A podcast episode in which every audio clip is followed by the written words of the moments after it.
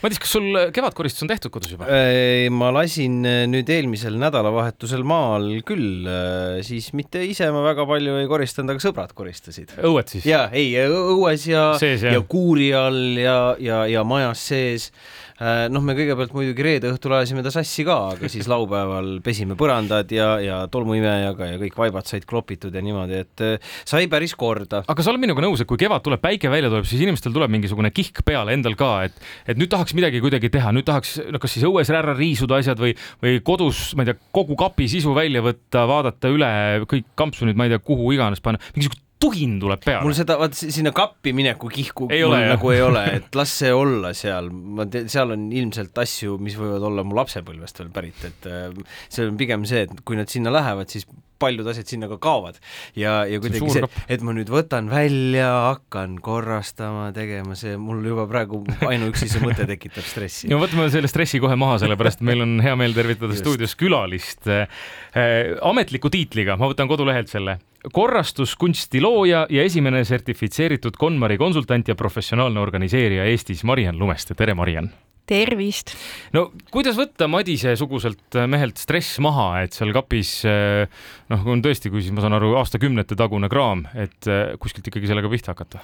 huvitaval kombel on need asjalood tõesti nii, et kui mina siiralt korrastamist, asjade organiseerimist, kapi kallale minemist naudin, kui Madis rääkis, mul kohe hakkas mõte jooksma, nii väga tahaks näha, mis seal kapis siis on siis, siis ma võin ju koduvõtmed anda aga teeme nii, nädalavahetuseks on, on plaanid olemas. aga, aga kahjuks tõepoolest paljudele inimestele see, see korrastamine ikkagi sellist stressi valmistab. nii et esimene asi, mida ma, mida ma Madise-sugusele noormehele kohe ütleksin, ongi see, et tõesti, see, see oli juba hästi tore, mis sa mhm. ütlesid, et sõbrad käisid külas, seal kloppisite vaipu ja toimetasite, siis teine asi, kui sa nüüd lähed, lähed neid asju ka sinna kappi sorteerima, võib-olla ära sõpru kaasa võta mm, -hmm. aga mida sa saad teha, kui see protsess sinu jaoks selline ebameeldiv ja, ja tundub olevat liiga palju. pane muusika mängima. tunne ennast hästi, katsu seda protsessi nautida, tee aken lahti, tuuluta tuba, tee sellest selline lõbus ettevõtmine.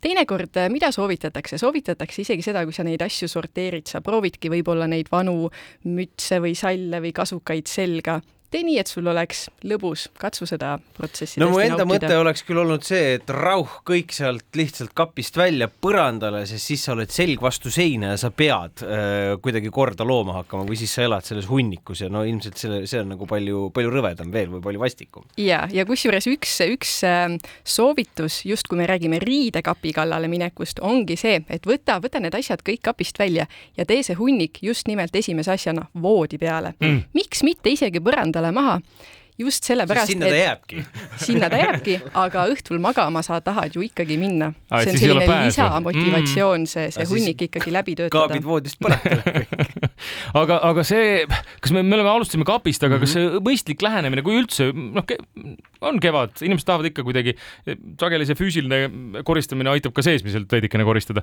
et kas on kapp, kuhu peaks esimesena minema või kust üldse oleks mhm. mõistlik alustada? ja tegelikult tõesti, kapp on esimene Ikka koht, kuhu me peaksime no. minema, meie riik riided on esimene kategooria, millest me peaksime alustama. just sellepärast, et eh, riided on ju sellised asjad, millega meil kõikidel on väga igapäevane suhe. kas me siis armastame seda kostüümide kokkupanekut, nende valimist või me lihtsalt peame midagi kiiresti, eh, kiiresti selga viskama, seega tõepoolest riided on koht, kust alustada mm. -hmm. ja see üldine korrastamise idee, mõte ongi see, et me töötame kategooriate kaupa. ehk siis mitte, me ei võta ette ühte sahtlit, ühte tuba või ühte kappi, aga just nimelt me lähme kategooriate kaupa, ehk siis esimesena näiteks võtamegi just nimelt riided ette, kogume kõik riided kokku, mis sul on sul seal kapis, pööningul, garaažis kõik riided.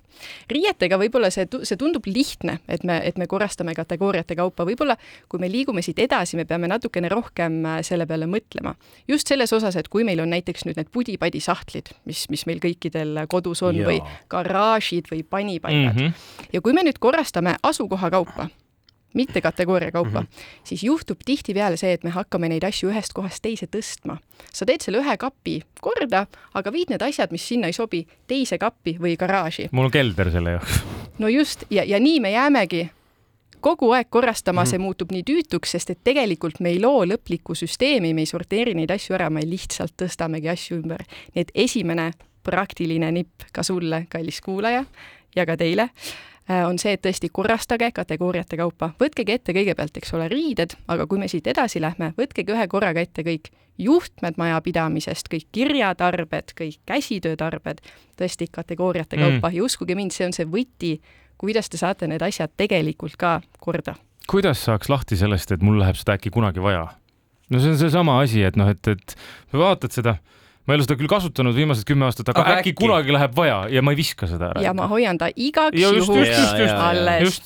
no nii, need on nüüd kõik asjad, ütleme see kõige suurem tegelikult äh, hulk asju, mis mm -hmm. meil on no,, aga just. ma hoian ta igaks juhuks alles siin ma soovitangi mõelda natukene selle peale, kas see, ma hoian ta igaks juhuks alles, mul läheb teda äkki vaja, on selline positiivne ootusärevuse tunne, et ma hoian tõesti seda puuri või neid kudumisvardaid alles, sest et äkki mul üks hetk on aega alustada remondiga või hakata käsitööd tegema. ei no puur et ta on selline, et ta on selline, et ta on selline positiivne tunne, selline võimaluse tunne, et oh mul on see asi olemas ja ma saan teda kasutada, kui see võimalus tuleb. hea näide siin on veel, ütleme, karnevalikostüümid.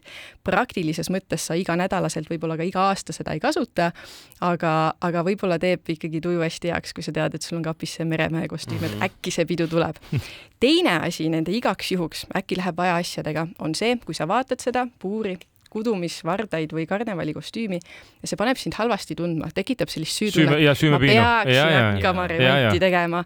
ai, ma ostsin selle kostüümi nii kallilt no äkki ma ikka hoian teda alles, ma mingi hetk peaks ta selga panema. mis tunnet need asjad sinus tekitavad? see on täiesti okei okay,, kui sul, kui sul on neid asju alles rohkem, nad tekitavadki sinus sellist turvatunnet, võimaluse tunnet muidugi siis hoia neid rohkem alles, aga kui nad panevad sind halvasti tundma, nad ongi võib-olla siin Madise nägu, eks ole, natuke läks krimpsu, kui ta hakkas rääkima sellest kapi sisust seal, ta ei taha mõeldagi selle peale. kui need asjad niimoodi panevad sind natukene halvasti juba tundma, siis võib nad saata uuele, uuele teele. muidugi olgu öeldud, et tegelikult äh, see kõik oli pisut utreeritud, nii hull see asi ka ei ole. küll aga ma tahaksin rääkida ühe loo äh, oma sellest samast maakodust, mis kuulus mu vanaisale, see maja, ja seal on üks siseuks, mis oli aastakümneid oli kinni, ühelt poolt oli seal ees sektsioonkapp ja teisele poole siis sinna pisikesse niisuguse alles jäänud ruumi oli ehitatud riiulid, värgid vastu seda ust ja, ja kui ma hakkasin seda maja nii-öelda korrastama, siis see uks, noh, ma viskasin kogu selle jama ära, see uks hakkas jälle käima, tal ei olnud ukselinki. Äh, kõik maja uksed on ühesugused, eks ole, siis ma laenasin kogu aeg ühelt linki ja teisele, et ei peaks. ja siis ühel hetkel mul turgatas pähe, et minu vanaisa äh, hoidis alles kõik, absoluutselt kõik asjad igast äh, mutikast kuni, kuni viimse noh, detailini välja. Ja ma läksin pööningule, esimene asi, mis ma näen, seal oli see ukselink. Ehk et äh, ma ei usu, et tal mingi tunne sellega oli, kui ta selle viiskümmend aastat tagasi selle kapi sinna pani. küll aga oli ta väga praktilise meelega mees, teades, et kui on uks, siis tal peab olema link väga õige, väga õige. aga see, seegi lugu, mis sa rääkisid, toob tegelikult väga hästi välja selle, kuidas põlvkondade vahel need asjad on nüüd natukene erinevalt. et tõesti, kui me vaatame nüüd vanemat põlvkonda, kes on ju üles kasvanud nii, et neil ei olnud kogu aeg kõike igalt poolt saada, supermarketid ei olnud asju täis, nagu nad tegelikult tänapäeval on, siis ongi arusaadav, et nendel inimestel on see, see turvatunde mm -hmm. vajadus asjade omamise näol suurem ja, ja see on täiesti okei okay siis hoidagi, hoidagi rohkem asju alles.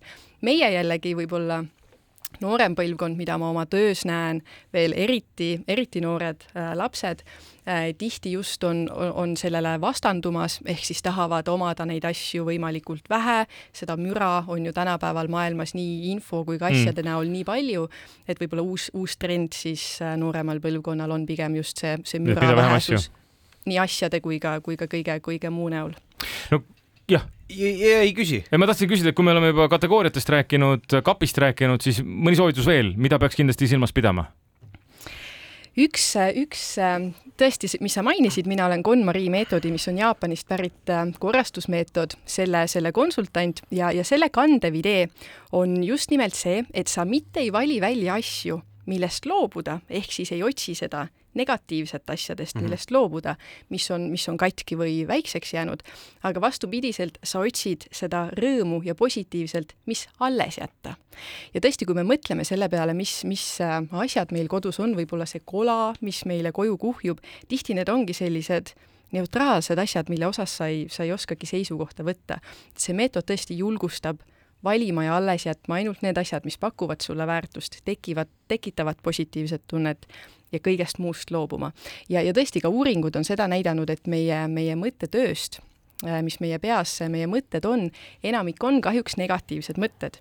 nii et tõesti, see koht on nüüd see, kus saab harjutada seda natukene ka positiivsemat mõtlemist ja, ja rõõmu valimist ainuke asi, mis veel õhku jääb, on see, et teed kõik korda, kõik on nii ilusti ära pandud, vaatad justkui elaks nagu ise selles IKEA äh, kataloogis. kataloogis. kuidas seda kõike ka niimoodi hoida? Väga hea küsimus ja siinkohal ongi nüüd selline väikene nipp, kui sa korrastad kategooriate kaupa, siis pärast hoiusta ka kõiki ühe kategooria esemeid koos. nii et tõesti kõik juhtmed on ühes kohas, kõik tööriistad on ühes kohas, kõik kirjatarbed on ühes kohas. nii et kõik pereliikmed ka teavad, kus need kõik asjad on ja kui sa seda asja nüüd kasutad, siis pane ta pärast oma kohale tagasi ja kui sa isegi kohe seda ei tee, kasutamise käigus ju me ikka kodus elame, asjad jäävad laokile, siis vähemalt kui igal asjal on see kindel oma koht või vähemasti igal kategoorial, siis pärast ikkagi see, see toa kordategemine käib imekiiresti. äratundmist oli, ma arvan, siin väga paljudel Kindlasti. praegu. Äh, Mariann Lumeste, aitäh tulemast meile täna külla ja ma ei tea, omal on kor kevadkoristus tehtud juba? Äh, kusjuures hea küsimus, meil on praegu sotsiaalmeedias käimas loobumise väljakutse, mis tähendab seda, et aprillikuu jooksul igal päeval sa pead loobuma pluss ühest asjast. ehk siis täna meil on neliteist aprill ja täna peab loobuma neljateistkümnest asjast. kuna mina olen pigem selline minimalismi äh, poole kaldu, väga ära korrastatud, konmariitatud inimene, siis pean tunnistama, et äh, osalen väljakutses, aga juba päev neliteist ja mul on päris keeruline, nii et äh, ma ei tahaks mõelda, mis kuu lõpus saama hakkab mina ka ei tea, olen, olen väga põnevil. igaks juhuks tuleb paberit kuhjata hästi palju Mariann Lumeste, aitäh veel kord tulemast meile külla ja jõudu! aitäh!